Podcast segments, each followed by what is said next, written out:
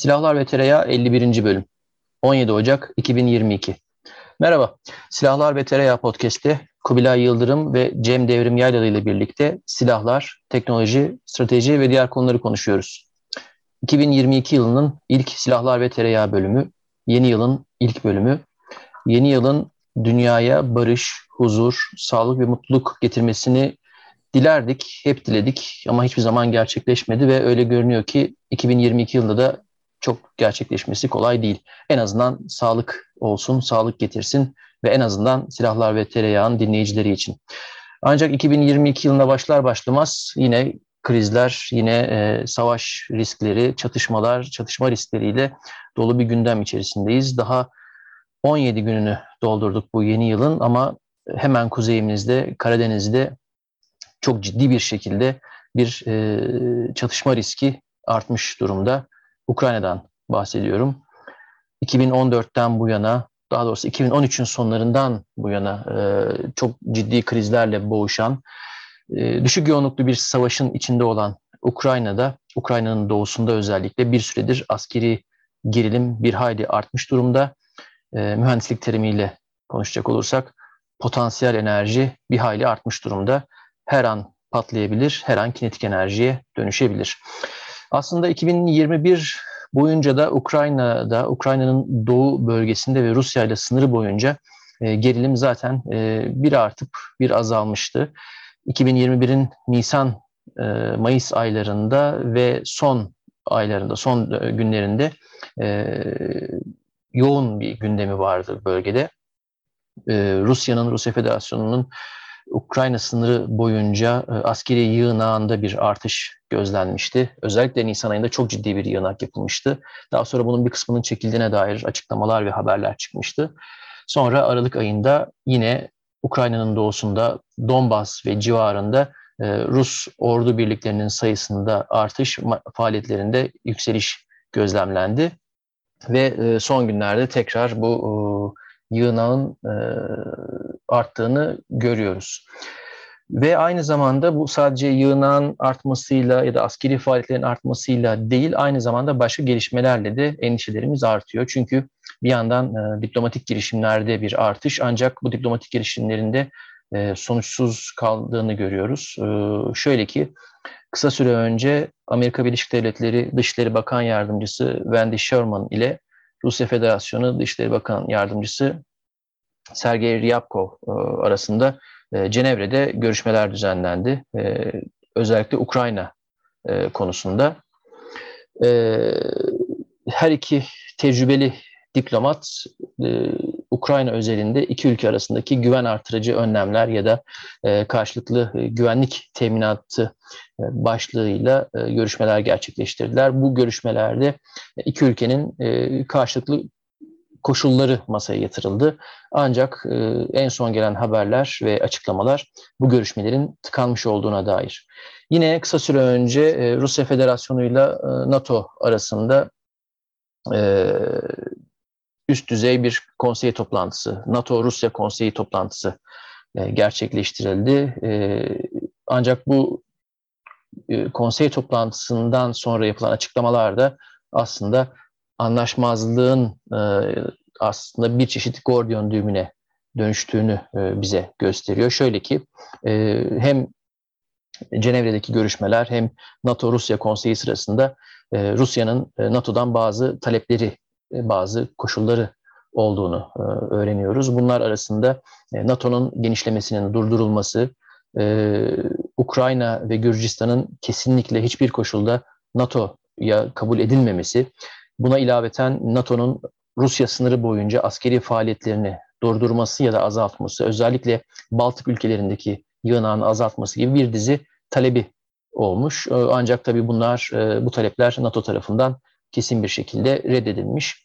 Ee, bunlar tabii aslında e, biraz endişe verici olarak yorumlanabilir. Çünkü diplomatik girişimlerin yavaş yavaş sonuçsuz kaldığına dair bunlar emareler olabilir. Diplomatik girişimlerin, müzakerelerin e, sonuçsuz kalması bir yana aslında burada en azından benim kişisel yorumum e, müzakere zemininin kaybedilmesi çok büyük bir risk. O da şu, e, en azından tarafların belli asgari müştereklerde anlaşıp o asgari müşterekler üzerinden müzakereleri yürütebiliyor olması bir gelişme olabilirdi. Biraz daha iyimser yorumlanabilecek bir e, işaret olabilirdi. Ancak öyle görüyoruz ki müzakerelerin sonuçsuz kalması bir yana yeni müzakereler ya da müzakerelerin sürmesine yönelik herhangi bir zeminin de aslında yavaş yavaş ortadan kalktığını e, görüyoruz. Bu da tabii e, bir yandan da artan askeri ve istihbari faaliyetleri de hesaba katarsak gerçekten de bir çatışma riskini e, bir çatışma riskinin bir hayli yüksek olduğunu bize düşündürüyor. Geçen senenin ikinci yarısından bu yana e, Ukrayna Silahlı Kuvvetleri ve Ukrayna istihbaratı kaynaklı olmak üzere e, ve buna ilaveten Amerika ve İngiltere istihbaratı kaynaklı olmak üzere açık kaynaklara yansıyan çeşitli haber ve analizler vardı. Bunlarda e, Rusya'nın Ukrayna'ya yönelik olası bir saldırısına ilişkin çeşitli senaryolar, çeşitli değerlendirmeler yer almaktaydı. Pek çok değerlendirmeye göre Rusya Federasyonu'nun bölgede yani Ukrayna sınırı boyunca ve Belarus'un Ukrayna ile sınırı boyunca 200 e, bin civarında bir askeri olduğu söyleniyor.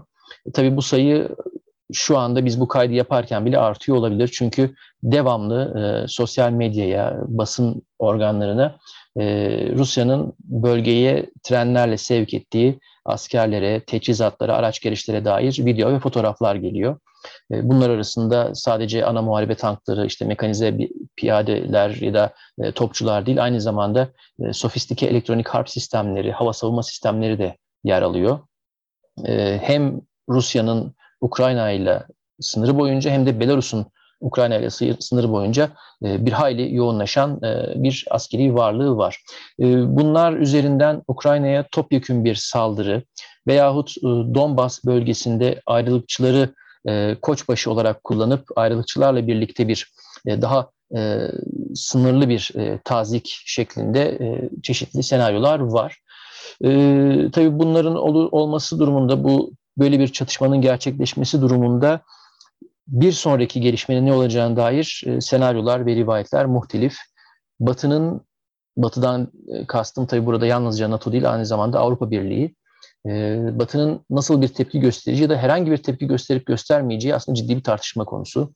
Amerika Birleşik Devletleri ve İngiltere şimdiye kadar Ukrayna'yı daha aktif bir şekilde, daha yoğun bir şekilde destekledi. Fransa ve Almanya Kubilay ve Devrim ne kadar katılır bilmiyorum ama biraz 1938 Münih'i gibi biraz daha yatıştırmacı ya da orta yolcu bir pozisyon takılmış gibi gözüküyorlar. Nitekim en son Almanya'dan e, Ukrayna'nın e, silah talebine bir red haberi aldık. E, muhtemelen ortamı daha fazla germemek için sanki daha fazla gerilebilirmiş gibi.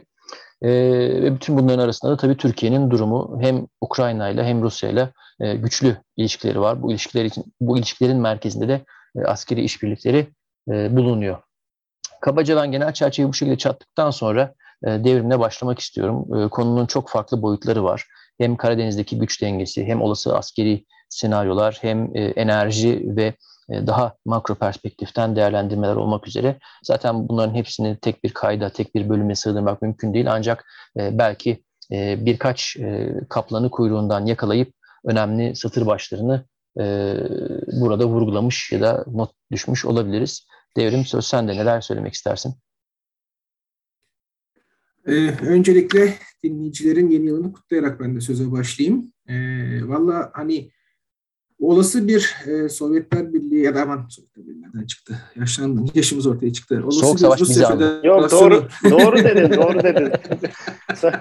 Sovyetler şeyi. Sovyetler, Sovyetler Birliği olsa tabii Ukrayna e, Rusya arasında bir savaş olmaz zaten hepsi bir olurdu ama e, so, so, şey federasyonu Rusya Federasyonu da Ukrayna arasında yapılacak bir çatışmanın deniz tarafına bakacak olursak aslında hani Ukrayna'nın yapabileceği tek şey e, Rusların biraz e, gelmesini yavaşlatmak olabilir. Çünkü deniz gücü açısından baktığınızda e, Sivastopol'un kaybetmenin getirdiği darbeyi e, toparlayabilmiş değil e, Ukrayna Deniz Kuvvetleri.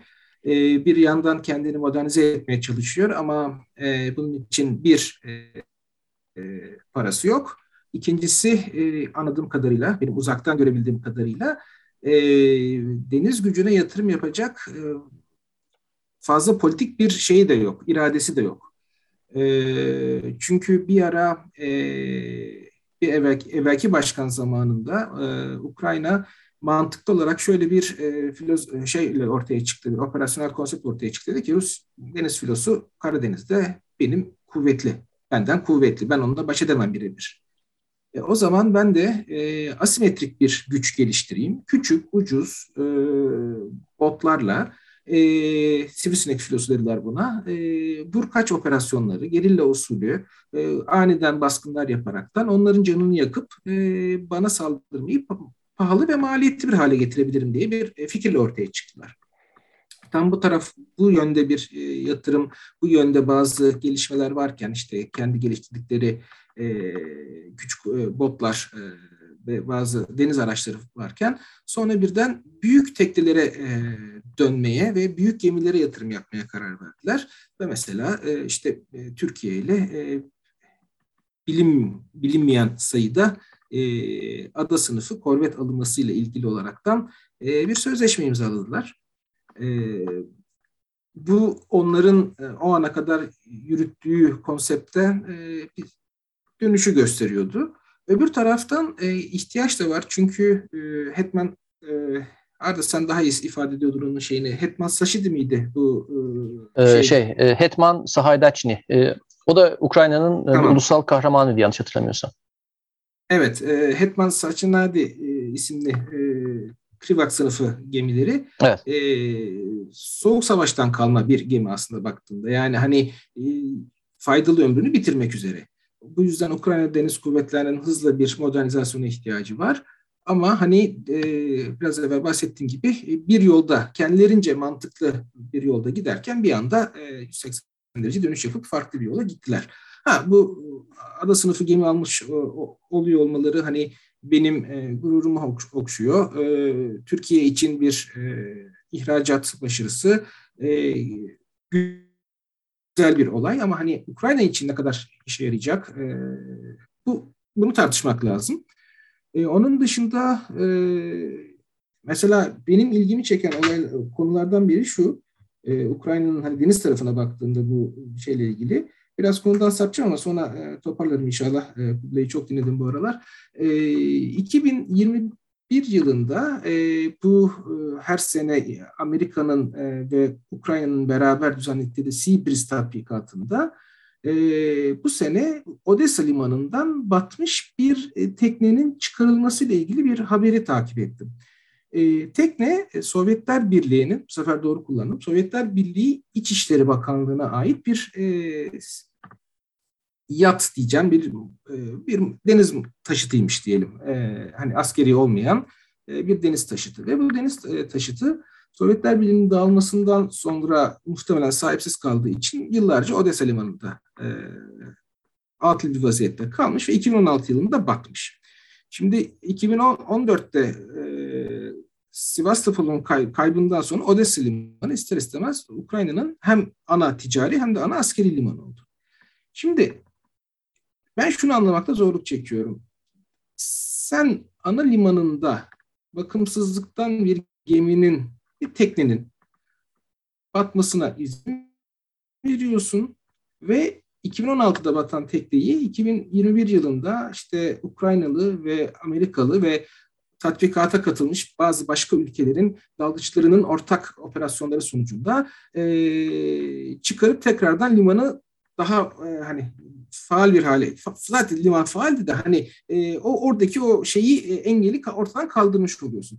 Yani ben bunu anlamıyorum. Yani bu kadar rahatlık nasıl oluyor? Ya da hani yani para mı yok desen bunun için para bulunur. Eğer hani bu gerçekten limanı tıkayan ve hani önemli bir sorunduysa. Eğer değildiyse de ama hani senin ülkenin ana limanlarının birinin içinde böyle bir batığın olması illaki bir e, şey yaratıyordur. E, bir kısıtlama yaratıyordur liman içindeki hareketlerde. Yani e, benim burada ifade etmeye çalıştığım şey hani Ukrayna'nın bu konulara yaklaşımının e, belki bizler tarafından biraz daha yani en azından ben kendi adıma bazı şeyleri anlamakta zorluk çekiyorum. Sizler e, nasıl yorumlarsınız onu e, konuşuruz. E, olaya Türk Boğazları çerçevesinden bakacak olursak yani bir e, olası e, Rus Federasyonu Ukrayna çatışmasında e, dışarıdan gelecek tepkilere bakacak olursak e zaten oradaki kurallar aslında Montre çok net e, kıyı Karadeniz'e kıyısı olmayan gemilerin şu anda en fazla 45 bin tonluk deplasmanı olan gemileri içeride bulundurmaya hakkı var. En azından şey böyle yorumluyor. Dışişleri Bakanlığı'nın hani yorumu bu şekilde. E, bu da ne yapar? Hani işte bakarsınız 3-5 tane e, early bird yapabilir. E, kim hani hızlı bir şekilde buraya zaten bir e, dışarıdan gemi gönderebilir dersek e, olan şüpheler zaten belli. Amerika e, şeyden gönderecektir. E, Akdeniz'deki e, early birdlerinden e, gönderecektir. Onun dışında eğer e, Doğu Akdeniz'de gemisi olan e, Fransa gönderir mi? Soru işareti. İtalya gönderir mi? Soru işareti. E, bildiğim kadarıyla İngilizlerin şu anda hani büyük bir savaş gemisi hani tip 23, e, tip 45 e, gibi büyük bir e, savaş gemisi şu anda Akdeniz'de en azından Doğu Akdeniz'de yok. O yüzden hani onlar da belki e, ancak e, Cebeli Tarık'taki küçük işte bu eko sınıfı e, araştırma gemisi irisi şeylerini hani devreye e, ya da OPV dediğimiz teknelerinden bir tane gönderebilirler. Onun dışında e, pek de dışarıdan e, Ukrayna'nın yardımına bir şey geleceğini sanmıyorum. E, Romanya ve Bulgaristan'a bakacak olursak onların da dediğimiz tabiri caizse Allah'lık olduğundan hani ancak kendilerine yetecek bir şey olduğu durumdadır. Bu, bundan dolayı da hani eğer böyle bir e, savaş çatışma çıkması halinde ve NATO'nun da buna müdahale olması durumunda e, en büyük e, NATO gücü Karadeniz'de en rahat hareket eden e, NATO gücü tabii Türk Deniz Kuvvetleri'nin olduğundan e, burada hani nasıl bir e, Türkiye'nin tepkisi ne olur? Türkiye böyle bir e, durumda nasıl bir e, aksiyon alır? E, onları da tabii e, görmek gerekir. Çünkü hani kolay bir pozisyon değil e, Ukrayna ile Rusya arasında e, durmak. Ama bir yandan da hani e, tarihi boyunca Türk diplomasisinin en başarılı olduğu noktalardan biri de e, farklı güçler arasında e, bir denge e, yaratıp o dengeyi mümkün olduğu kadar en zor şartlar altında dahi korumaya çalışıp buradan kendi bekasını sağlamak olduğu için bir şekilde bir çıkış yolu belki bulunabilir. dediğim gibi eğer iş bir sıcak çatışmaya gelecek olursa.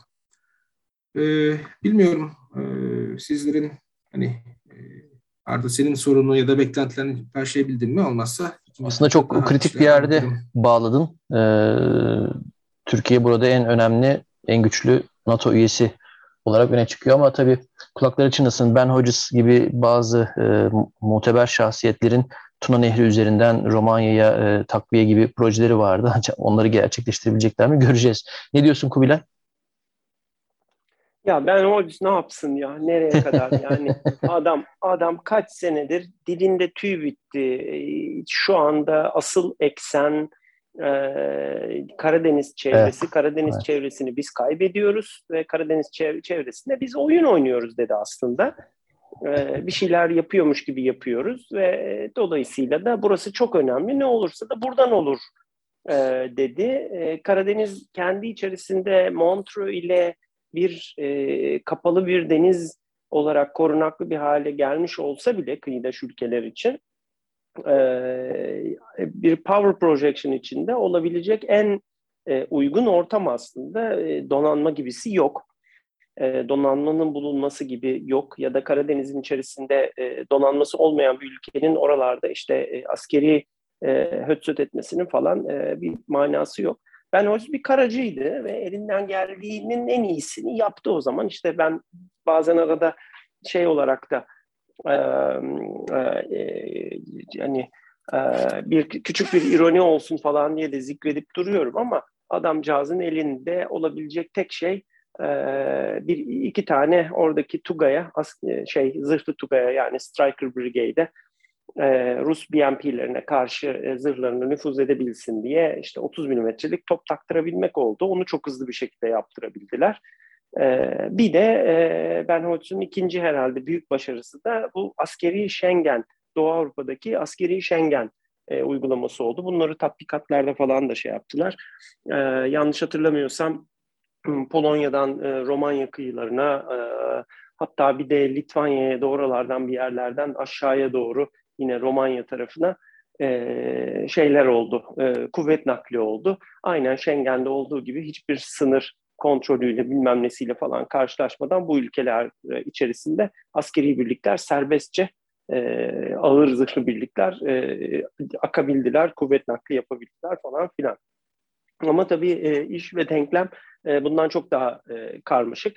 Hakikaten birkaç tane e, Tugay'ı, birkaç tane tümeni, e, tümende kalmadı artık ama Tugay'ı ne kadar zırhlı da olsa e, bir yerden bir yere nakletmekle falan olacak gibi bir şey değil. Ee, Arda senin biraz önce söylediğin gibi yani 200 bin askeri geçti şu andaki yığınaklanma. Ee, ne kadar geçtiğini bilmiyoruz ee, şu anda. 230-240 binleri falan bulmuş olabilir.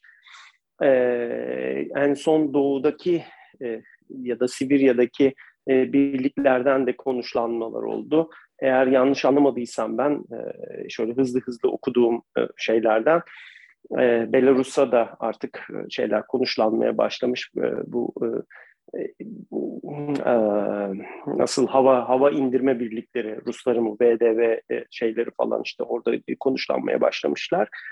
Dolayısıyla e, aslında oldukça mobil arka taraftan da ağır zırhlıyla desteklenen e, elektronik harp unsurlarıyla, hava kuvvetleri unsurlarıyla falan de, desteklenen tam bir e, hava, deniz, kara e, ortak operasyonunu yapabilecek bir kuvvet yığılması e, Ukrayna üzerinde hem doğusunda hem güneyde Karadeniz'den e, hem Ukrayna doğusunda karadan hem de aynı zamanda kuzeyden e, Belarus e, sınırından anlaşıldığı kadarıyla e, yerine yerleşti. E, şeyi hatırlarsınız, e, Trump'ın e, Savunma Bakanı, eski Amerikan Savunma Bakanı ve eski e, Amerikan Deniz e, Piyadeleri Komutanı e, James Mattis. James Mattis'in bir planı vardı. İşte 30-30-30-30 falan gibi böyle enteresan bir şey. E, burada da e, 30 filo uçağı, e, 30 tane e, şeyi, e, 30 Tugay'dı değil mi? 30 Tugay'dı. 30 tane e, büyük parça e, şeyi, e, savaş gemisini 30 gün içerisinde e, Rus sınırına yakın bir yerlere daha doğrusu hani NATO sınırına e, şey yapabilmek, e, konuşlandırabilmek falan gibi. Şimdi e, bu tabii kolay bir şey değil e, şeyler için. E, NATO güçleri için de kolay bir şey değil. Lakin e, Ruslar bunu bile karşılayabilecek kadar büyük bir yığınağı yavaş yavaş yavaş yapabildiler. Yani gayet e, bir meydan okumanın nasıl olması gerektiğini e, herhalde şeye anlatmıştır bazen hani şu blöf mi yapıyor, o öyle mi yapıyor, şu şöyle mi yapıyor falan filan gibi e, şeyler çok olur. Bizim bazen Türkiye'nin Suriye'ye operasyon e, yapmak konusunda e, bir takım işte şeyleri olur, e, telaffuz ettiği laflar olur, kuvvet kaydırmaları olur, şu olur bu olur falan. Ama gerçek anlamda e, Rusların şu andaki hareketlenmesi ve e, yığınaklanmaları tam olarak e, ben blöf yapmıyorum, bak girerim ha'nın e, herhalde şey e, böyle kitabi olarak e, şey karşılığı denebilir. E, bu ilk başta biraz e, şeye alındı, bir miktar herhalde e, hafife alındı. Bu ciddi bir e, bizim hep e, silahlar ve tereyağında yerden yere vurmaya e, doyamadığımız, e, başta Amerika olmak üzere e, batılı think tanklerin vesairelerin falan uzun bir süre çok da ciddiye almadığı bir e, yığınaklanma oldu. Bunun belki de sebeplerinden bir tanesi işte senin az önce söylediğin gibi bunun Nisan'da da bir e, eskalasyonunun olup ondan sonra yatışmış gibi olması, bir takım birliklerin geri çekilmesi fakat daha sonra şeyle birlikte, sonbaharla birlikte yeniden yığınaklanmanın artması e, sebebiyle olabilir. E, ancak yine de tabii şey içerisinde bir e, Ukrayna konusunu ve Rusya ile nasıl mücadele edileceğini e, hiçbir yere sığdıramama, bir yol yöntem bulamama, bir e, ne yardan geçebilme, ne serden geçebilme e, gibi bir e, e, ruh halinin içerisinde e, olmalarından dolayı e, olduğunu e, ve bundan kaynaklandığını e, düşünüyorum ben. E, ve şey e, bir çözüm e, ortaya çıkarabileceklerini, bir e, kendi istediklerini empoze ettirebilecek herhangi bir bir çözüm bulabileceklerini de açıkçası şu andaki kafa yapısıyla, hazırlıklılık oranıyla, politik sermayeyle pek de açıkçası düşünmüyorum. Yani bunu şu şekilde, bu uzun paragrafı şu şekilde bağlayabilirim. Zihinlerde manen şey Putin aslında bu blöfü kazandı gibi görünüyor. Evet, bütün bunlar bir yana. peki ya Rusya bunu neden zorluyor? Neden elini bu kadar yükseltti? Neden binlerce ton tankını aldı geldi oraya yığdı? İşte bu bence e, işi bir kere ciddiye almaya başladıktan sonra bunun e, ya e, işte şey yapılmak istiyor, Putin pohpohlanmak istiyor, ben de varım diyor falan gibi böyle hafif e, yorumlara kalmadan e, bunun ciddi bir eskalasyon olduğunu e, kabul edeceksek eğer bunun neden olduğunu, neden böyle bir motivasyon na sahip olduğunu Putin Rusyası'nın herhalde onu belki de ayrıca tartışmak lazım. Yani nedir bu? İşte ben büyük bir gücüm, bir nükleer gücüm. Bundan 30 e, sene öncesine kadar dünyadaki polaritenin bir şeyiydim. Bir majör e, tarafıydım. Beni ciddiye alacaksınız mı demeye çalışıyor. Yoksa e, bir an önce belirli şeyleri yapmak mı istiyor? Yani bir, bir politik ve askeri bir hareketlenme mi gördü? Özellikle Doğu Avrupa'da ama Ukrayna özelinde. Yani işte bizden ada korvetleri alıyor, Ukrayna'nın çuluğu yok, parası yoktu yani oldukça ciddi bir yolsuz bir ülkedir şey Ukrayna. Parası pulu olmaz, işte borç içindedir falan filan. Bunun pek e, o bakımdan toparlanması da kolay değildi ama bir şekilde kurduğu çeşitli ilişkilerle, Avrupa'dan aldığı, Amerika'dan aldığı yardımlarla, IMF'li vesaireyle falan filan bir belirli bir şeye doğru e, toparlanma belirtileri belki de gösteriyor. E, bizim adada korvetleri az değil işte az önce devrimin söylediği gibi ana liman Odessa şeyden de uzak değil. E, çeşitli işte silahlı kabiliyetler, e, hani TB2 aldılar, uçana kaçana sıkacaklar falan tarafına girmek istemiyorum. O çok gerçekçi şey değil ama belirli bazı ana silah platformları falan da alıyorlar. Zırhlı araçlar, işte anti-tank e, kabiliyetli füzeler vesaireler. E, bunu mu acaba görüyor, bundan mı endişeleniyor e, Ruslar ya da şu anda şey yaparsak ne kadar önce müdahale edersek o kadar e, az e, maliyetli olur bize mi diyorlar bilmiyorum. Bunların hepsini e, e, tartışmak lazım.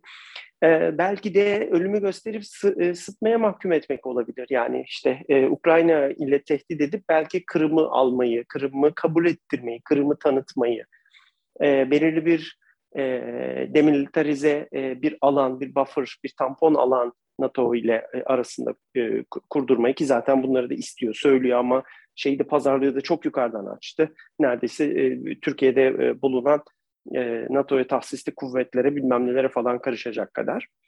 E, yani e, mesela işte e, bugünlerde şeyleri takip etmeye çalışıyorum. Kim ne diyor, ne yapıyor diye. Bu Rusya konularında uzun süredir ciddiye alarak dinlediğim ciddiye alarak okuduğum nadir insanlardan bir tanesi. Çünkü birçok insanı ciddiye alamıyorum gerçekten. Ee, şeylerden bir tanesi işte Arda senin de bildiğin e, çok da aramızda paslaştığımız bu e, şey e, Michael Kaufman. Kaufman evet. E, Michael Michael Kaufman iyi bir şey e, Rusya'nın iyi bir derken hani iyi olur vesaire falan da bir de gerçekçi olmak evet, lazım. Aynen, Hayatların aynen. peşinde e, hani kendi söylediğine kendi inanan çünkü özellikle DC'de şeyde Washington'da bence şu anda öyle bir şey var. E, herifler kendi yarattıkları dünyada kendi konuştukları şeyde kendi masallarına inanıyorlar. Uzun süredir de o var zaten. E, şey bu bakımdan çok daha realist, genç, e, zeki adamlardan bir tanesi ki onunla tanışmam benim öyle olmamıştı. E, şey ne diyor lan bu herif diyerek dinlemeye başlamıştım. Ee, ve ama şey şu anda gerçekten bu tür bir olay olduğunda dönüp bu herif ne diyor diye dönüp bakıyorum. Ee, onun söylediği bir şey var. Ee, çok kabaca, çok ö, özet olarak e, yani şeyden Gürcistan'a e, Osetya bölgesi için yaptığı şeyin benzerini yapabilir. Topyekün Ukrayna'yı alt üst edip geçmesi gitmesi falan böyle bir şey söz konusu olmayabilir ama Ukrayna'nın doğu tarafında yani Rus ağırlıklı e, doğu tarafında böyle bir e, şey, bir ilhak olabilir. E, girerler, çok hızlı bir şekilde çıkarlar. O bölgede de facto bir e, şey kurarlar, bir federal bölge kurarlar. Rusya'ya da katmazlar onu. Ukrayna'nın şeyi olur ama zorlarlar. Yani süngü ucuyla, e, süngü zoruyla e, Ukrayna'ya anayasasını değiştirip burayı tanımasını, Kırım'ı tanımasını, şeyi tanımasını, işte Maripol ve şey tarafındaki işte Donbas ve e, şeyin öbür bölgenin ismini unuttum. E, o, o iki eyaleti diyeyim bir tür işte eyalet gibi yarı bağımsız e, bir şey gibi eyalet gibi bir muhtariyet gibi tanımasını e, süngü zoruyla kabul ettirebilirler.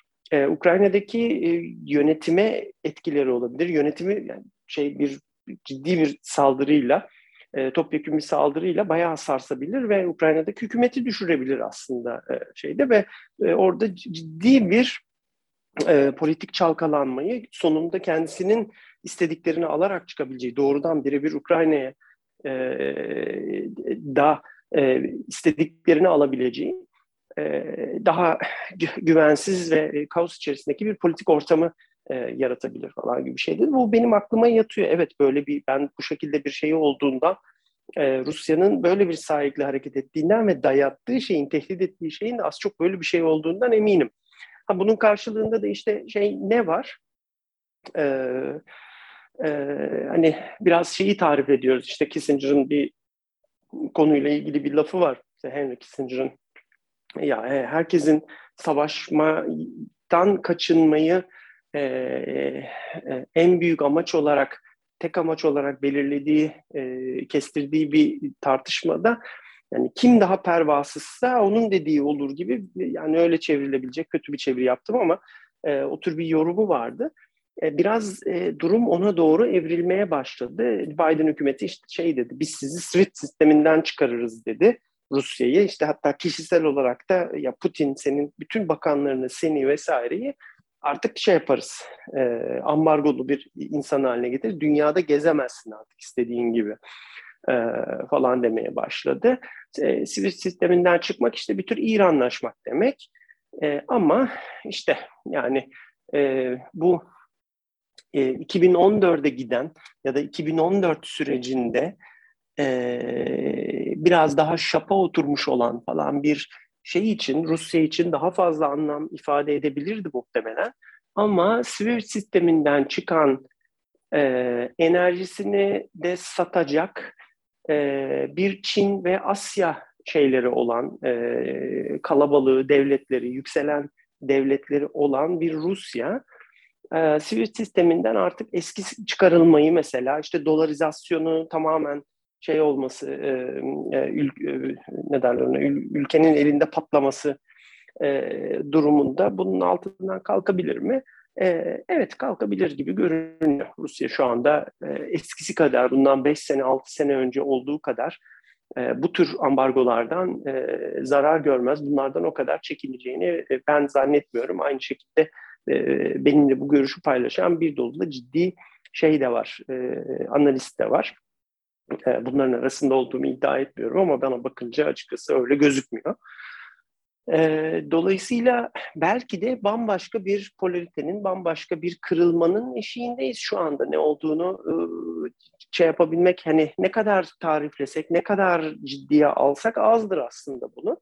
Benim anlamadığım şey, benim şaşırdığım şey ülkelerin falan bunu yani uzun süredir bu, bu gelişen bu gümbür gümbür gelen şeyi ciddiye almak konusundaki bu isteksizlik, bu şey bu Almanya'daki falan gariplikler, Fransa'nın kaypaklıkları, ondan sonra işte Biden'ın bir bir şey diyememesi, dur ben bir telefonla konuşayım Vladimir Vladimirovic'le de ondan sonra size bir şey söyleyeyim halleri vesaireleri falan. Ve aynı zamanda işte Cenevre'de falan yaptıkları görüşmede e, Amerikalıların doğrudan Rusya'yla şeye e, masaya oturması, Avrupa Birliği'nin esamesinin bile okunmaması, e, bunun yanında Almanya'nın işte Nord Stream 2 ile ilgili ikircikli abuk subuk şeyleri, halleri, her gün yeni bir şeyin ortaya çıkması ve gün sonunda da hani Nord Stream 2'ye bir Alman hükümetinin kalkıp da şey diyememesi. Yani işte evrakları geciktirmek, ay bilmem ne izni gelmedi demek. Hep bir garip bir bürokrasinin arkasına saklanmak e, yapmıyorum ulan almıyorum senden gaz hani ben bu şeye bu şantaja gelecek adam mıyım? Koskoca Almanya'yım ben bilmem ne ya da demokratik bir şeyim ben işte şuyum buyum falan filan diyememesi. Mesela bunu bize diyor ay biz şöyleyiz ay böyleyiz ay siz çok kötüsünüz zaten jenosidal bir şeysiniz falan demeyi bilen e, adamlar bir, bir, bir şey söyleyemiyorlar. işte hep bir şeylerin arkasına bir e, şeyin bahçedeki e, küçük fidanların arkasına saklanma falan gibi böyle aptalca bir şeyin içerisindeler. Ve gün sonunda ne bunu söyleyerek bu cümleyle e, tekrar topu sana atacağım Arda. E, tam bir böyle Fransız komedisi, tam bir e, absürt komedi yaşandığını transatlantik ilişkilerde, Avrupa iç ilişkilerinde, Avrupa'nın dışarıya bakışı ve özellikle merkez ülkelerin dahi birbirleri arasında e, Avrupa Birliği'nin ve kendi ülkelerinin dış ilişkileri jeopolitik e, bakışlarıyla ilgili bir uyumun olmadığını, e, kimsenin ne yardan ne serden geçemediğini, Ukrayna'nın ise arada kalmış zavallı bir e, ülke olduğunu, herkesin ilk yan, yangın yani şeyde irtifa kaybeden balondan ilk atılacak e, ağırlığın Ukrayna'nın kendisi olduğunu Putin bu şeyiyle e, hepimizin e, gözüne, e, kafasına çakmış oldu. Bunun bir takım şeyleri olacaktır. Önümüzdeki 20 yıla özellikle Doğu Avrupa, Merkez Avrupa ilişkilerine, Doğu Avrupa-Rusya ilişkilerine, işte Türkiye gibi çevresel ülkelerin NATO ile ve Rusya ile ayrı ayrı ilişkilerine falan etkisi olacak. Bir takım çıkarılan dersleri olacaktır. Dilerseniz bunları da e, yavaş yavaş tartışalım. Ben gevezeliğime son vereyim. Ee, bu aslında bu meselenin Ukrayna krizinin en önemli e, sonuçlarından ya da çıktılarından birisi muhtemelen. O da Avrupa'nın e, ortak bir Avrupa güvenlik ve savunma e, politikası ya da e, bir dış politika kimliğinin inşasına yönelik olan en son iyimserlik kırıntılarının da belki e, böyle masadan avucumuzun içine e, süpürülüp oradan da çöpe atılmasına belki vesile olabilir ya da en azından bu yola e, bu yoldaki ilk ve en önemli aşamalardan birisi olabilir. Nitekim e, bu süreçte gördük ki Ukrayna'da Ukrayna'daki işte siyasette de kamuoyunda da e, Avrupa Birliği'nin bu 2014'ten bu yana sergilemiş olduğu tavır ve özellikle son e, bir iki yıldaki sergilemiş olduğu tav- tavırdan dolayı çok derin bir hayal kırıklığı var. Ya da hayal kırıklığı belki e, yanlış ifade olacak. E, ciddi bir rahatsızlık var. O da e, özellikle Almanya ve Fransa'nın Rusya'ya karşı e, takınamadıkları bir tavır ya da sergileyemedikleri bir tepki ya da Ukrayna'ya karşı göstermedikleri destekten dolayı e, ciddi anlamda bir e, Avrupa'dan kopuş ya da işte o 2013-2014 Euromaidan tırnak içinde ruhundan kopuşu net bir şekilde gözlenmek mümkün. E, buradan ben e, iki farklı perspektifte e, yorum yapacağım. Birisi biraz daha makro seviye, birisi daha taktik ya da askeri seviye. E, geçtiğimiz sene Temmuz ayında e, Ukrayna Savunma Sanayi ve Silahlı Kuvvetleri'nin birlikte düzenlediği bir e, konferansta konuşmacıydım. Orada diğer konuşmacılar arasında Ukrayna Silahlı Kuvvetleri'nden çeşitli yetkililer, komutanlar, Ukrayna Savunma Sanayi'nden e, çeşitli yetkililer vardı ve e, benim orada bulunma sebebim Türk savunma sanayinin işte e, gelişmeleri ya da Türkiye örneğiyle ilgili bilgiler vermekti ama benim şansıma konuşmam en sonlardaydı. Benim konuşmama kadarki süreçte kendi içlerindeki diyeyim tartışmalara ve o atmosfere birinci elden tanıklık etme imkanı buldum. Şöyle ki e, 2014'te işte Donbas'ta çatışmalar ilk başladığında e, Ukrayna ordusu kısmen e, iyi bir pozisyonda. Yani en azından ilk aşamada biraz daha e, ayrılıkçılara karşı taktik olarak sahada e, bir şeyler yapabilir durumdalar. Ancak 2015 başından itibaren Rusya'nın daha yoğun aktif e, desteğiyle birlikte muazzam kayıplar veriyorlar. Özellikle kara birlikleri, zırhlı birlikler, mekanize birlikler e, muazzam kayıplar veriyorlar ve bu kayıpların da iki ana sebebi bulunuyor. Birincisi e, Rusya'nın ayrılıkçılara sağladığı çok yoğun tank savar güdümlü füze desteği. İkincisi ve bunların işte Ukrayna ordusunun canını daha çok acıtan şey e, araçlarının elinde, ellerindeki platformların araç gerecin çok düşük harbe hazırlık seviyesi. Hatta bir tane örnek çok böyle kafama kazınmıştı. Her fırsatta da her yerde anlatırım. E, Donbas bölgesinde işte bunu da anlatan o, operasyonun başındaki subay işte konuşmayı yaparken geçen sene e, binbaşı rütbesindeydi. E, bir köye işte e, bir operasyon düzenlenecek. 8 tane BMP-1 tipi zırhlı muharebe aracı. Araçlardan 6 tanesi zaten köye varmadan bozularak yolda kalıyor. İki tanesinden birisi de güdümlü füzeyle vuruluyor. Bir tane araçla köye saldırır durumda kalıyorlar ve bu örneği şey için vermişti. E, kendi savunma sanayileri ve kendi e, bakım e, lojistik kabiliyetlerinin e, çok zor durumda olduğunu, çok güç durumda olduğunu anlatmak içindi. E, şu, bu örneği şunun için verdim. Ukrayna ordusunun sayısal olarak belli alanlarda yetkinlikleri e, var gibi gözükse de Ukrayna savunma sanayinin ya da askeri endüstriyel kapasitesinin belli alanlarda yetkinlikleri var gibi gözükse de Rusya'nın hem desteklediği ayrılıkçılar karşısında hem de Rus ordusu karşısında çok fazla bir şansı yok. E, bu şansı biraz olsun kendi taraflarına çevirebilmek için e, bazı hal ve çareler, bazı tedbirler ve taktikler üzerine çalışıyorlar. E, bunların en önemlisine aslında devrim az önce değindi. E, Moskito taktiği.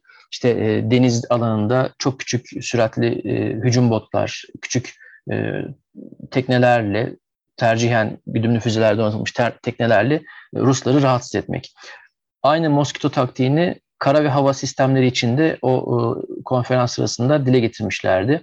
E, insansız kara araçları, e, silahlarla donatılmış insansız kara araçları ve e, başta Bayraktar olmak üzere küçük ve orta boy silahlı insansız hava araçları. Bunlardan çok sayıda e, üretip çok sayıda kullanarak Rusları rahatsız etmek.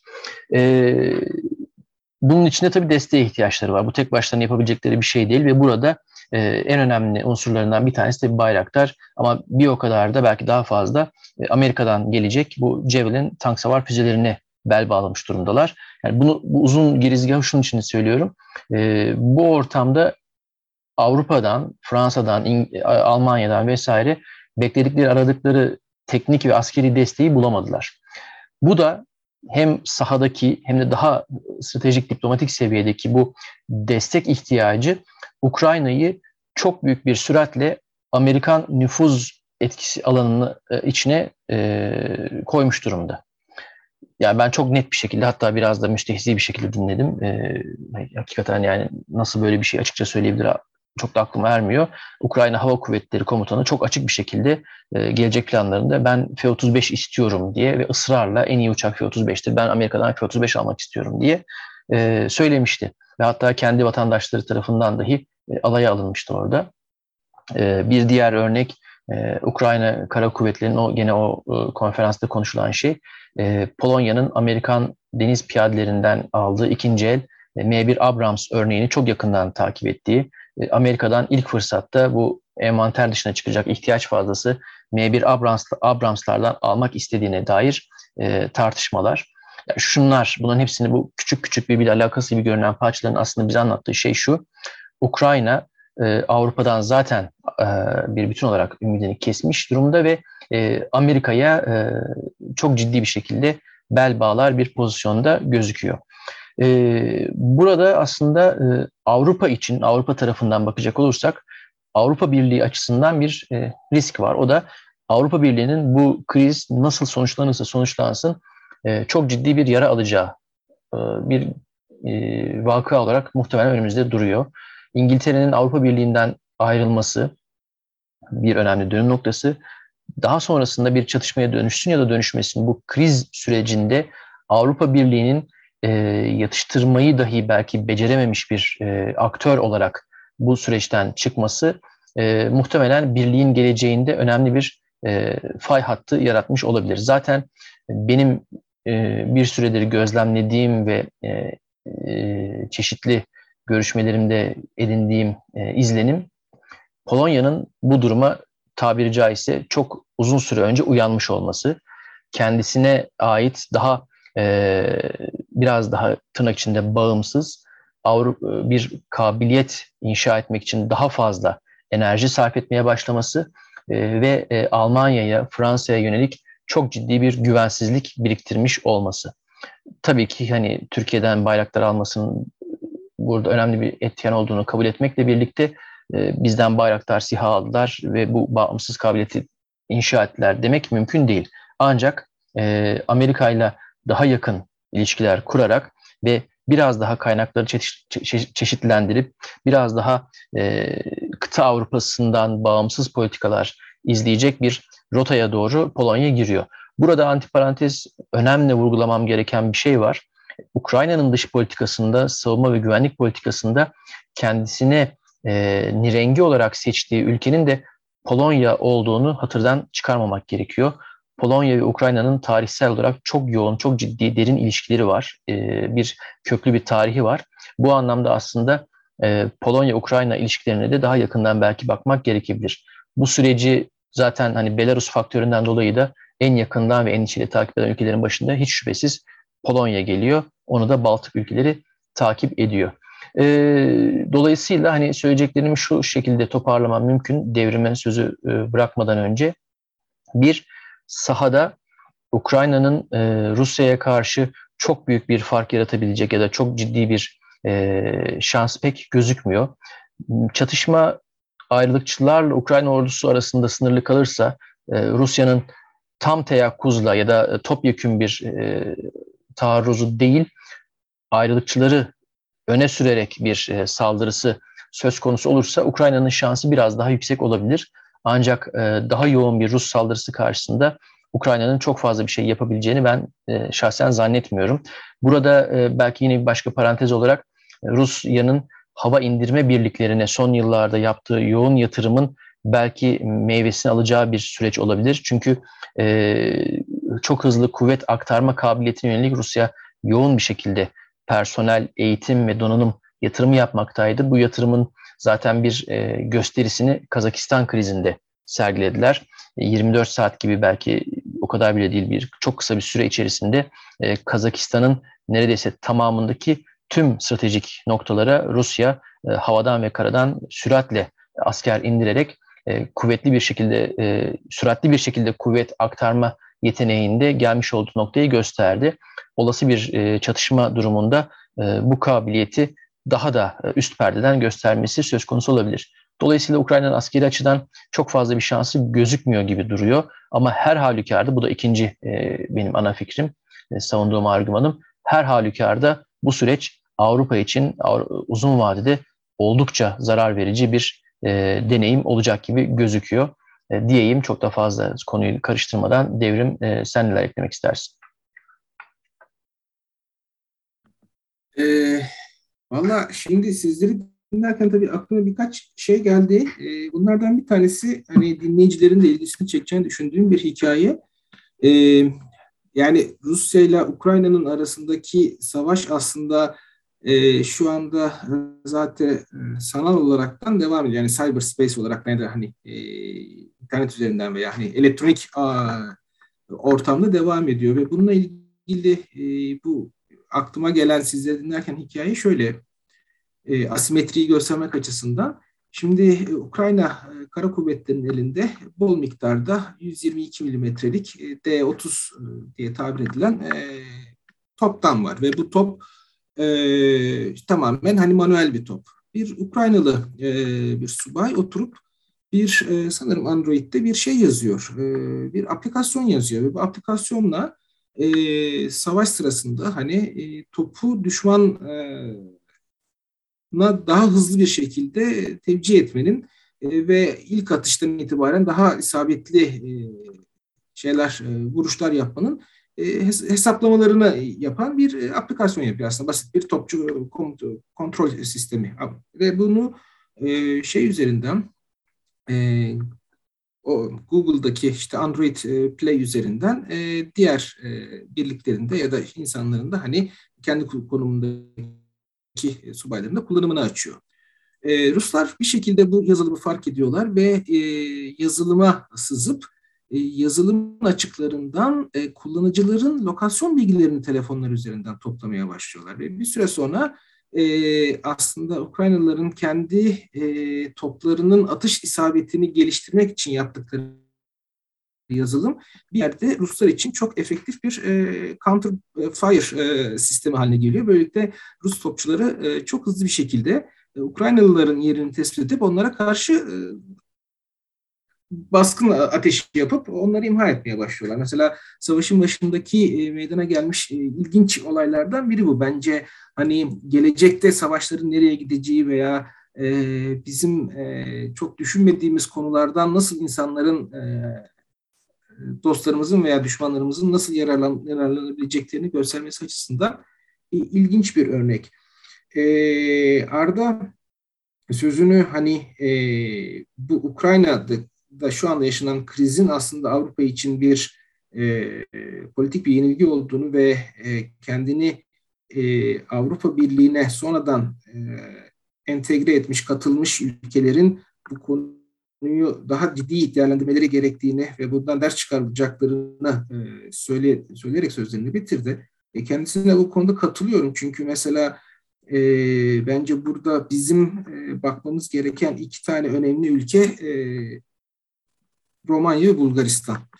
E, ben tabii hani daha çok deniz e, odaklı baktığım için o e, ülkelere e, Romanya'nın ve Bulgaristan'ın da Soğuk Savaş'tan bu yana deniz kuvvetlerinin çok ciddi bir yatırım yapmadığını söyleyebilirim. E, Romanya İngiltere'den iki tane tip 22 fırkateyn aldı. E, üzerlerinde şu anda bir 76 mm top, e, üç tane de e, şey var, e, torpido tüpü var içlerinde öyle, torpidolarla. Onun dışında ne uzun menzilli bir saldırı silahı, füze ne de e, havadan gelecek tehditlere karşı geminin kendisini savunacağı bir uçak savar e, füze sistemi yok.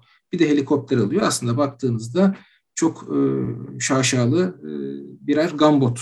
Yani bizim Tuzla sınıfı e, onlardan daha iyi durumda diyebilirim e, Tuzla sınıfı devriye gemilerimiz o koca e, fırkateynlerden daha iyi bir durumda diyebilirim. E, Bulgaristan derseniz onlar yıllarca zaten ikinci el gemilerle idare ettiler. E, şöyle bir şey okudum. E, geçen ay Bulgaristan'da e, Alman Lürsen dizaynı iki tane savaş gemisinin yapımına başlandı. E, şeyde e, Bulgaristan'da bunların e, 20. yüzyıl dahil olmak üzere Bulgaristan'ın kendisi için yaptığı ilk yeni gemi üretimi olduğuna söylemişti e, törene katılan Bulgar e, Deniz Kuvvetleri Komutanı. Yani e, her iki ülkenin de mesela deniz kuvvetleri açısından baktığınızda durumları e, hep iki daha evvelden e, NATO'ya girdikleri zaman e, NATO ülkelerinden aldıkları ikinci el gemilerle idare ettiler. E, bunu anlatmamın sebebi şu. Şimdi e, Romanya ve Bulgaristan gerek NATO'ya girmiş olmaları, gerekse Avrupa Birliği'ne girmiş olmaları sebebiyle bizim belki de e, 1950'lerdeki e, ve 60'lardaki e, NATO'ya girdikten sonra içinde bulunduğumuz rehavet durumunu yaşıyor gibiler. Ben öyle görüyorum en azından. E, fakat e, bu Ukrayna krizinin onlara şunu çok net bir şekilde göstermiş olması gerekiyor. Ya da en azından bu ülkelerin bunu görmesini ümit ediyorum.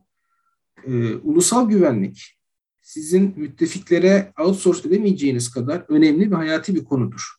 Tamam, Amerika e, Romanya'da bir Aegis üssü kurdu. E, bir karada bir Aegis e, gemisi gibi e, çalışan bir e, yapı var. E, uzun menzilli radarlarla e, Karadeniz üzerinden e, Sovyetler Birliği'ne ve e, İran tarafına e, bakıyorlar koydukları standart üç füzeleriyle de balistik füzelere karşı önlem yapacaklar. Sık sık e, işte e, NATO ülkelerinin uçakları e, Romanya'da Develescu'ydu galiba üstüne gidiyor. İşte e, Bulgaristan'ın hemen güneyinde de daha işte çok ciddi bir Amerikan yapılanması var. Orada ciddi bir üst kuruyorlar. Dile gibi e, oraya e, kara aracı nakliye edildi. Bunların bir kısmının e, hemen Yunanistan'dan kuzeye, Bulgaristan'a, oradan da Romanya'ya kadar gitmediğini düşünmek saftilik olacaktır ama e, ne olursa olsun e, iş ciddileştiği zaman e, ben senin arkandayım, ben seni destekliyorum diyenlerin gerçekten arkanıza durup durmadığını e, görme zamanı oluyor ve e, Ukrayna için hani e, uyandıklarında artık gördükleri durum çok hoş değil. E, bütün o büyük, zengin ve e, grandiyöz Avrupa ülkeleri içinde Ukrayna'ya en ciddi ve Ukrayna'nın en, çok işine yarayabilecek silahları satan Türkiye oldu. İşte e, bayrakların e, insan hava araçları e, onların işine yarayacak. Eğer zamanında biter ve e, iş işlerine yarayacak ve zaman hani e, savaş çıkmadan e, kullanacakları durumda olursa belki milyam onların içine yarayacak. Bu diğer ülkelerin sattıklarından veya verdiklerinden çok daha fazla ve etkili bazı e, silah sistemleri oldu. Hele Almanya'nın veya Fransa'ya e, bakacak olursak. E, bu yüzden benim de diyeceğim e, budur yani e, bir Ukrayna-Rusya savaşı şu anda örtülü olarak devam eden savaş e, çok farklı cephelerde devam ediyor ve buradan e, gören gözlerin e, çıkaracağı, e, göreceği çok ciddi dersler, çok ciddi e, deneyimler var. E, ikincisi de ne olursa olsun Ukrayna'nın içinde bulunduğu durum için diğer ülkelerinde işte Polonya olsun, Macaristan olsun. Gerçi Macaristan hani Avrupa'nın daha içinde olduğu için biraz tuzu kuru olabilir ama Bulgaristan olsun, Romanya olsun, Rusya ile bir an bir zaman baş başa kalabilecek ülkelerin e, bu iş e, ulusal savunmalarını ve kendi bekalarını da daha ciddiye alıp e, birazcık kısılmalarına e, ve e, kendilerini e, güvence altına almak için e, para harcamaya e, ihtiyaçları var diyeyim e, ve ben de bu şeyimi bu şekilde bitireyim sözlerimi. Ya işte deminden beri kendim bir şeyler anlatıyorum. Ee, devrimi dinliyorum, Arda seni dinliyorum. Ee, ve işte hep aslında konuştuğumuz şey eh, sürekli esip gürleyen eh, bir şey batı cenahı. Yani kendimi Cem Gürdeniz gibi konuşurken bulmak istemiyorum aslında. Ee, yani tam olarak katılmıyorum da bu bugün falan söylediği şeylere ama yani işte bak şöyle yaparız, böyle yaparız falan ama hiç bir şey de aslında yapamayız size. Yani sen birader hani ya aslında istemeyiz, ayıp olur. Hani Ukrayna'yı falan da alırsan ayıp olur. Ee, ama biz yine geliriz, seni gıdıklarız kenarda. Sen işte bir şey yaparsan şöyle olur, böyle olur.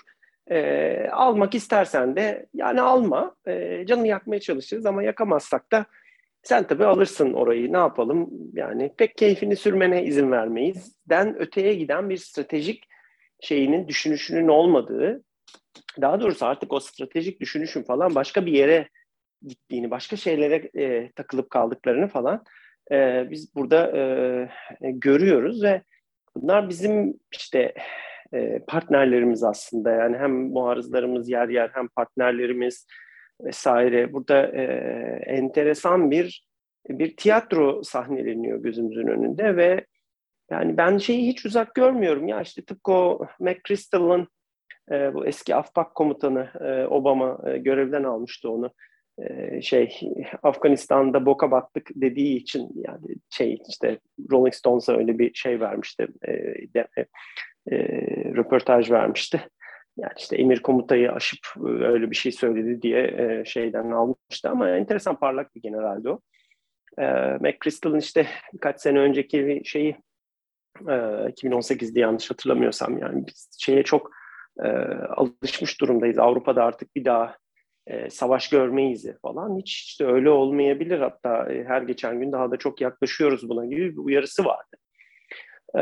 Ben dolayısıyla Rusya'nın gerçekten mekanize birlikleriyle falan paldır küldür Ukrayna'ya hızlı bir dalış yapıp ama Ukrayna'nın tabii şey tarafına yani bu doğu tarafına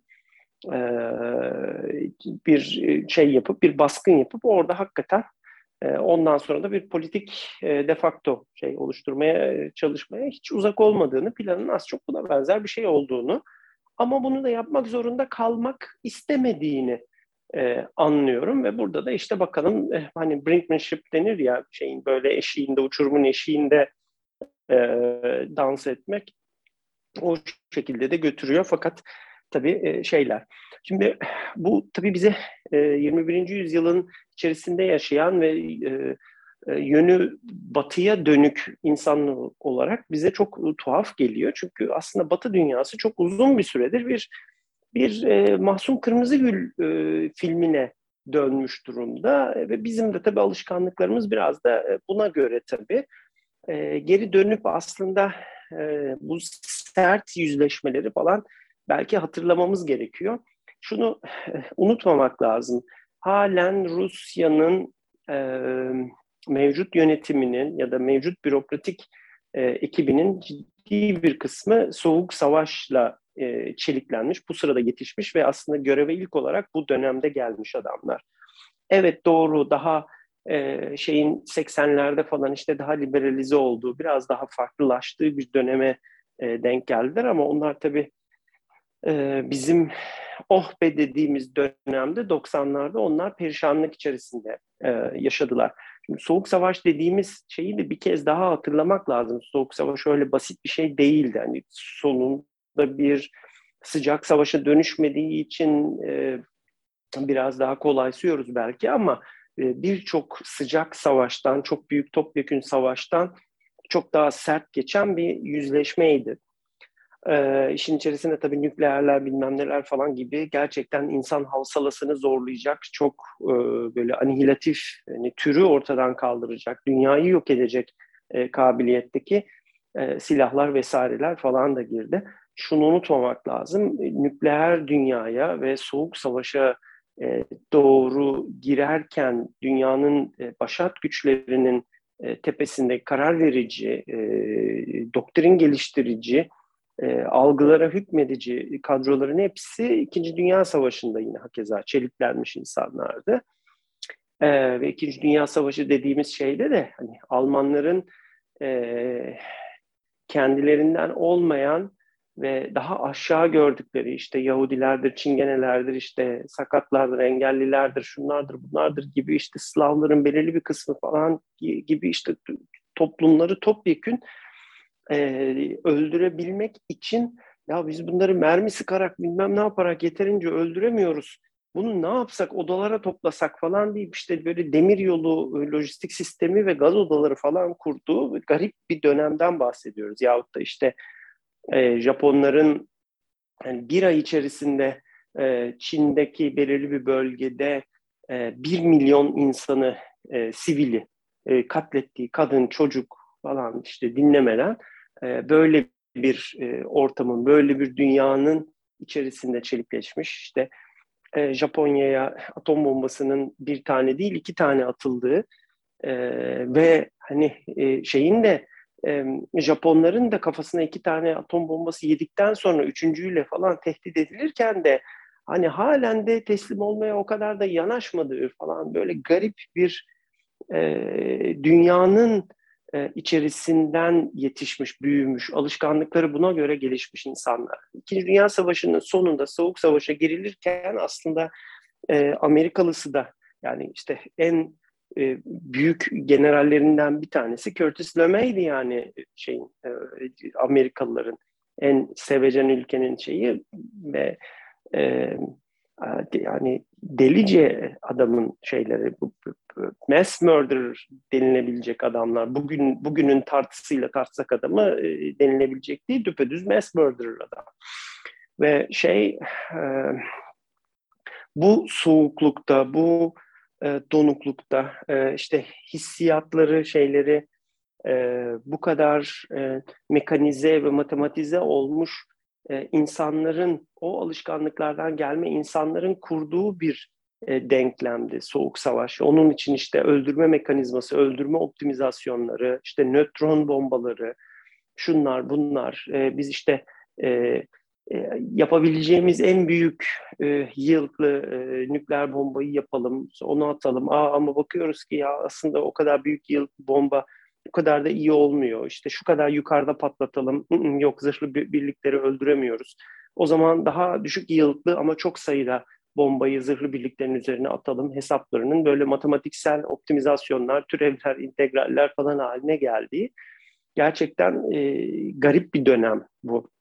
Ee, e, yani konuyla ne alakası var? E, saz çalıp duruyorsun diyeceksiniz ama işte e, şey bu soğuklukta E, bu bu taş gibi yürekli insanların hüküm sürdüğü bir dönemdi aslında Soğuk Savaş ve Soğuk Savaş buydu aslında bu kadar soğuk donuk olabilmekle ilgili bir şeydi ve sert bir yüzleşmeydi gerçekten. Putin falan orada kaldılar yani Rusya Rusya bürokrasisi aslında kabaca e, orada kaldı. Bir, bir gün e, bir bir bölümümüzde yine e, Arda seninle konuşmuştuk bunu. Yani Sovyetler Birliği e, yapısı, Sovyetler Birliği e, e, fikri, e, bu Rusların içerisinde yanan bu ateş, yani bu bunu finanse edemediler sadece ve adeta o hani bazı semenderlerin falan kışın donması ondan sonra bahar gelince de e, şeylerle birlikte hava ısınınca çözülmesi gibi e, hayatlarına e, kaldıkları yerden devam etmeye başladılar. E, şeyin e, Sovyetlerin kontrolünü kaçırdılar sadece bir güvenlik e, şeyinin e, bütünlüğünün e, kontrolünü kaçırdılar. E, ondan sonra da onu işte geri toparlamaya çalışıyorlar ve halen bu ekip işte Putin, bunun kurmayları, işte askeri doktrini vesairesi halen soğuk savaş kafasında e, o soğuklukta falan bir ekip. Dolayısıyla e, kendi şeyleri için e, kendilerini emniyette hissetmek, soğuk savaştan kalma, İkinci Dünya Savaşı'ndan kalma artık DNA'larına işlemiş bazı tedirginlikleri, güvenlik kaygılarını gidermek için öyle bir ülkenin üzerine, şeyin üzerine e, işte e, tankları salmak, bilmem ne yapmak, bunun için bir bedel ödemek falan gibi bir şeyden korkuları, kaygıları, çekinceleri falan da yok. Onların kafalarındaki denklemin içerisinde böyle bir şey yok. Böyle bir eksiklik yok açıkçası. Bunu yapabilirler rahatlıkla. O kafa, o matematik, o şartlanmıştı. Bu şekilde çalışıyor demek herhalde çok yanlış değil. O Rusya'nın dondurucuya kaldırıldığı, daha doğrusu Sovyetlerin dondurucuya kaldırıldığı dönem sonrasında e, yumuşayan, gevşeyen, hayata ticaret, e, işte e, hayata güzellikler vesaire, işte e, keyif vesaire falan, işte emniyette olmak, hep ileriye gitmek, işte teknolojiler falan filan gözünden bakan Batı oldu. Ee, Sovyetler sonrası Rusya halen olduğu yerde duruyor kaygıları vesaireleri falan da orada az çok iyi kötü. E, ve dolayısıyla bugün burada anlıyoruz ki o eskinin parametreleriyle sınanan e, şey e, e, Batı dünyasının oraya doğru eski dünyaya dönüp ya da o aynı ciddiyeti, aynı soğukluğu e, bürünüp bir hesap yapabilecek, belirli şeyleri e, e, göze alabilecek falan bir yapısı kalmamış. Başka bir çiçek çocukluk dönemi yaşıyor. Bunu kötü böyle hakir gördüğüm için falan söylemiyorum. Ancak şey yok yani öyle bir öyle bir bütünlük kalmamış, öyle bir bir mekanizma, öyle bir refleks kalmamış. DNA'lardan uçmuş gitmiş o, atılmış onlar işte şey gibi ne bileyim işte e, 20 yaş dişlerinin işlevsizleşmesi falan gibi bir, bir şey haline dönüşmüş. Dolayısıyla sistemsel olarak, kültürel olarak da bu şekilde bir çatışmayı yaşıyoruz. Bu gözümüzün önündeki kırılma bu. Yani bunu ben tam olarak işte Batı çöküyor, Doğu geberiyor, işte aman pardon işte Batı geberiyor, çöküyor ve Doğu yükseliyor falan olarak tam olarak görmüyorum. İşte hayata bakıştaki fark. Mesela tam aksine özellikle Almanya'nın, Fransa'nın falan kendi e, ticari kaygıları, ticari çıkarları falan için nasıl belirli şeylerden feragat edebildiklerinin canlı örneğini görüyoruz şu anda işte. Almanya için şey çok önemli. Evet, Doğu Avrupa ve Doğu Avrupa'nın ötesinde e, Rusya ve onun e, hinterlandında e, enerji zengini, ham madde zengini ülkeler çok önemli. Bu sadece şey için değil. Yani işte e, e, bu ülkelerden doğalgaz, petrol, işte çeşitli e, ham maddeler, ağaç, ahşap, şudur budur falan alsın, kimyasal maddelerin özütlerini alsın vesaire falan filan içinde değil e, sadece. Bu ülkelere e, e yani şeyde Rusya'ya bugün gitseniz e, kimi e, çevirseniz sokakta e, hayran olduğu ülke muhtemelen Almanya olur. Ya da hangi ülkeye gitmek istediğini sorsanız herhalde söyleyeceği şey Almanya olur. Öyle e, biraz hani Türkiye'de falan da öyledir ya herkes Almanya'ya gitmek ister. Bir garip bir şeyimiz var böyle. E, Ruslarındaki yani iki kere heriflerin üzerinden geçti. Anlamak mümkün değil yani şeyin. Gerçi sonra intikamını aldılar ama bu kadar birbiriyle itiş kakış içerisindeki iki kültürün e, kaç yüzyıldır e, bu kadar birbirini biçmiş iki kültürün de birbirine yani bir tarafın öbür tarafa da bu kadar e, hayran olması e, anlaşılacak bir şey değil ama maalesef e, öyle ve e, Almanya'nın ciddi yatırımları var halen şeyin içerisinde e, Rusya ve Rusya'nın e, şeyi a, a, a, e, etkisi altındaki bölgelerde e, Rusya'dan e, işte e, gaz alıyor, enerji kaynaklarının yaklaşık yarısını e, Rusya üzerinden kurguladı. Ondan sonra buradan aldığı gazın, petrolün, işte çeşitli ham maddelerin karşılığında oraya e, Alman sanayi ürünlerini satmak istiyor. Halen araları e, kültürel olarak da bağlı.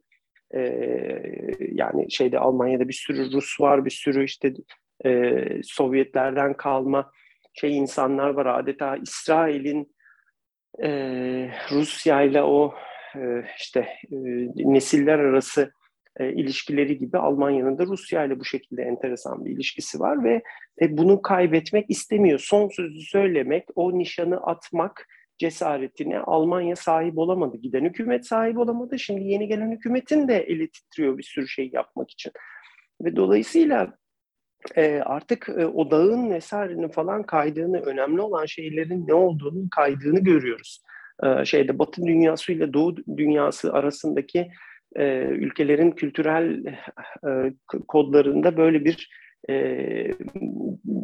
bir bir e, makasın açıldığını görüyoruz. Aslında gördüğümüz çatışma belki de biraz da e, bununla ilgili. E, Allah hepimizin sonunu hayır etsin. Çok zor yani e, şey e, böyle bir e, işte az önce detaylıca anlatmaya çalıştığım gibi ya da benim gördüğümü e, tanımlamaya çalıştığım gibi bir Almanya, bir işte abuk subuk bir Fransa, e, kendini kaybetmiş pusulasını kaybetmiş bir Amerika. E, ve bunun yanında da işte dediğim dedik bir Rusya, tehlikeli bir ülke olan Rusya. Ve e, bir dakika ya biz bu delilerin arasında pabuç pahalı diye bunun farkına varan Ukrayna, Polonya gibi işte Doğu e, şey ülkeleri, Doğu Avrupa ülkeleri, Türkiye gibi buna çok evvelden uyanmış fakat buna karşı nasıl bir politika geliştireceğini bilemeyip işte sağa sola çarparak bütün her şeyi eline yüzüne bulaştırmış görece ve herkes tarafından istenmeyen bir ülke haline gelmiş bir Türkiye falan. Bunu, bu şeylerin, çatışmaların, bu kırılmaların içerisinde şey falan konuşuyoruz. Çok popüler oldu bugünlerde Türkiye'de. Ya Ukrayna ile işte bizim aramız iyi, Rusya ile de görece iyi. Ya bunlar ikisi birbirine giderse biz ne yapacağız? NATO ülkesiyiz. Türkiye'yi nasıl bir konuma koyar? Ben bundan daha büyük bir sıkıntıyı, daha büyük bir şeyi e, endişeyi e, asıl e, orada değil burada görüyorum. Bu, bu bir sistemik e, e, bir e, e, varoluşsal bir yarılma. Bu yarılmanın tam ortasında e, biz kalmış gibi görünüyoruz ve bu bu senenin, gelecek senenin, 3 senenin, 5 senenin falan meselesi değil. 2014'te halledilmeyen e, mesele, daha doğrusu 2000, 2008'de başlayan mesele e, buralara kadar geldi. Halen de daha da derinleşiyor. E, ve biz bu yırtılmanın e, e, tam ortasındayız. E, yani gözlerime inanamıyorum şu anda. Yani size inanıyorum aslında. Ben az önce işte sıkıntıdan tweetleri falan e, şey yapıyordum, karıştırıyordum. Biliyorsunuz bugün e, Alman Savunma Bakanı şeyi kabul etmedi. E, Ukrayna'nın o e, savunma silahları talebini kabul etmedi. Silah talebini evet, evet. Ve e, İngilizler anladığım kadarıyla belirli bir miktar e, silah ve mühimmat gönderiyorlar Ukrayna'ya C-17'leriyle. E, İngiliz C-17'leri Ukrayna'ya giderken Alman hava sahasının dışından evet, evet. geçiyor falan. Hani tam böyle fucked up bir, bir durum. Ne oluyor lan yani denilecek kadar abuk subuk bir şey. E, durumun içerisindeyiz. Ya da dün müydü, bugün müydü bu bir tane Fransız eski e, sefir var ya Gerard Arnaud e, hani dili beş karış böyle şey. Ha, evet, e, evet, evet, E, şey bizim şey Gerard geçen gün dalgasını geçiyordu kıyamam sana diye. Ya o evet. geçenlerde böyle çok çok şey e, afilli bir tane laf paylaşmış yani işte ülkelerin e, kültürlerin belirli şeyleri vardır, yönelimleri vardır. İşte yönetimler e, gelir geçer ama ülkelerin o şeyleri değişmez falan diye. Ulan şekerif yani 2008'de şeyi e, e, ne derler ona Gürcistan'ı işgal etmiş ve Karadeniz bölgesinde e, e, daha fazla hakimiyet kurabilmek, kuvvet aktarımı yapabilmek için senden iki tane e, çıkartma gemisi sipariş etmiş olan Rus'a e, şey gibi hıyarım var diye koşturmayı biliyordun lan afil, afilli lafları etmeyi biliyorsunuz da madem hani o o kalp işte bu kalp, o yürek bu yürek işte o ateş sönmez lan peki o zaman onu niye veriyordunuz yani? Ee, işte böyle anlamsız, herkesin bir geri zekalıya dönüştüğü abuk subuk bir şeydi. Biz yalnızız yani hepimiz biz de zaten kendimizde kafadan kontak bir memleketiz. Ama şakası yok yani burada artık şeyler e, e, zor, sert bir yere doğru gidiyor. Yani bizim Allah'tan hani şeyle ateşle hani Türk'ün ateşle imtihanının bir şey biz bir miktar kendimiz bir miktar işte şartlar bizi çok saçma sapan bir yere zorladı da birkaç yerde bak dokunursan ısırırız. Bak yani zannetme ki şey o akrebin iğnesi halen duruyor. Sokarım seni ispat edebildik biraz böyle dünya aleme. Ee, de bir miktar e, insanlar azıcık hani ülkeler ceketini iliklemeye falan filan başladılar. Libya'sı, Karabağ, şu su bu su bilmem nesi falan filan.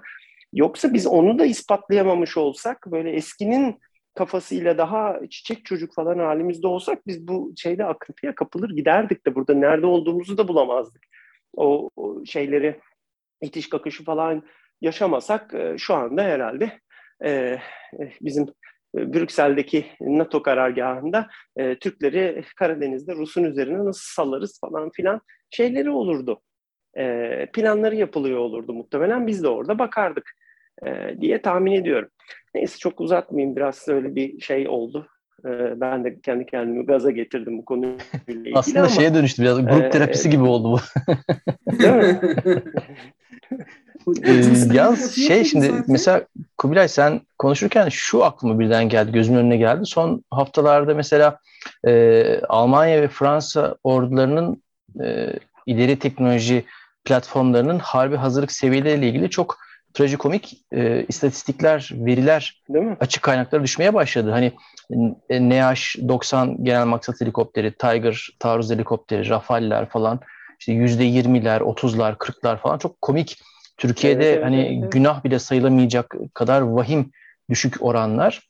Hani bir kriz ya, olduğunda bizim, bizim bizim müzedeki İstanbul'daki şu havacılık müzesindeki evet. müzedeki uçakların harbi hazırlık seviyesi daha yüksekte muhtemelen. Evet yani hiç falan çıktı Almanların.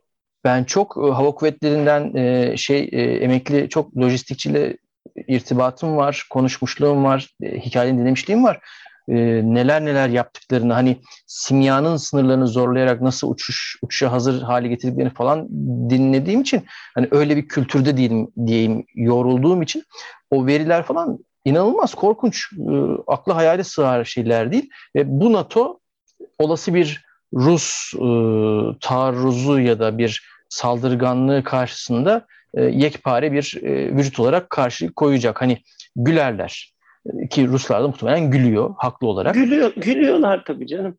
Gülüyorlar. Yani, Kaç senedir konuşmuyor muyuz ya şeyin e, vay efendim T-14 Armata'yı yapamadılar, Su-57'yi yapamadılar. T-90 yetiyor, T-84 yetiyor. Aynen öyle. Aynen öyle. 2000 tane T-90'ı, T-80'i, modernize T-72'yi dayadığın zaman yani yok Fransızın işte e, şarabı gelmedi, e, Alman'ın yedek parçası gelmedi, saçma sapan şeylerle. Kaldı ki işte düğmeye bastı, füze patladı içeride falan. Yani, kaldı ki son haftalarda görüyoruz ki buna bile aslında ihtiyacı yokmuş. Danimarka örneği. Şimdi muhtemelen benim yani içgüdüm e, bunu söylüyor. Danimarka'da Aa, evet, patlak evet, veren skan arka arkaya ya, patlak evet. veren skandalların evet, evet. bununla bir alakası olabilir. Hani maskirovka mı dersin, e, ta, şey cambaza bak hilesi mi dersin? E, ülkenin istihbarat servisi, genel şey savunma bakanı, e, istihbarat servis başkanı, savunma bakanı arka arkaya gözaltına alındı. E, muazzam bir şey ortaya çıktı, skandal.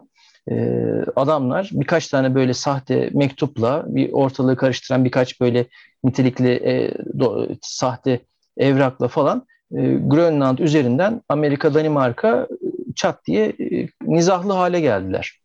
E, bir yandan tabii hani şey ayrı bir mesele bizim işte bu S-400 meselesinden dolayı ve başka faktörlerden silahlar ve trende çok konuştuk tekrarlamaya gerek yok. E, Türkiye'nin NATO içerisindeki durumu şey belli. Hani çok fazla bir şey yapmasına da gerek kalmadı Rusya'nın. O hani e, soğuk savaş döneminde bizlerin John şey Le Carre ya da ne bileyim Tom Clancy'lerin falan hmm. böyle çok iç içe geçmiş grift e, taktikleri, böyle akıl oyunları, istihbarat komplolarıyla falan yoğrulmasına da sanki böyle çok gerek kalmayan bir şekilde zaten karşısındaki ittifakı e, epey bir çatırdatmış durumda. Ha, bu aslında benim tahminim o ki, öngörü demeyeyim buna, o kadar cüretkar değilim ama benim tahminim o ki bu e, muhtemelen Amerika'nın e, biraz daha işine yarayacak gibi gözüküyor. E, Bulgaristan ve Romanya üzerindeki nüfuzunu artırarak, eğer bir şekilde varlığını sürdürebilirse Ukrayna üzerindeki nüfuzunu e, takviye ederek, Polonya üzerindeki, Baltık devletleri üzerindeki nüfuzunu arttırarak e, Avrupa'daki, Doğu Avrupa'daki varlığını arttırmasına vesile olabilir. Zaten güçlüydü, daha da arttırmasına vesile olabilir. O zaman da şuna geliyor iş aslında.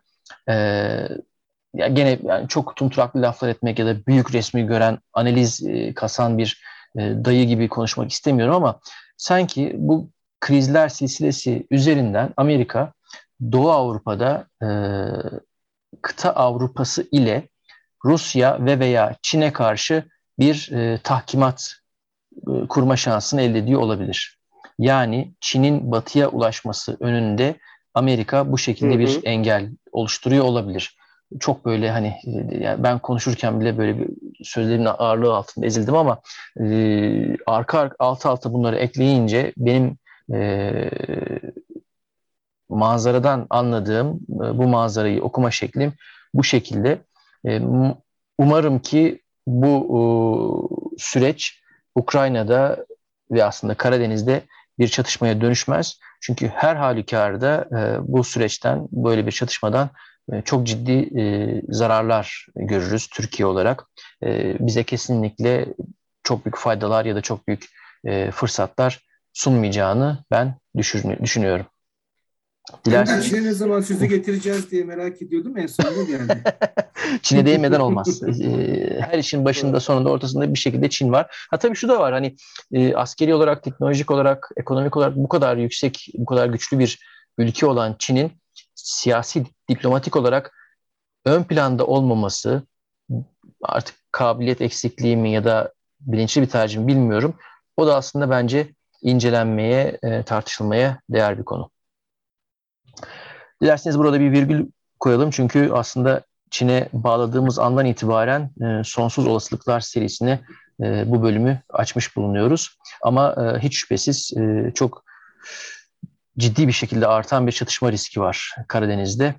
Umalım ki çatışmaya dönüşmez, bir savaşa dönüşmez ve bir şekilde diplomasi ya da müzakereler e, galip gelir. En azından bir savaşa dönüşmeden, can kaybı olmadan, zararlar görülmeden e, bu kriz süreci atlatılır.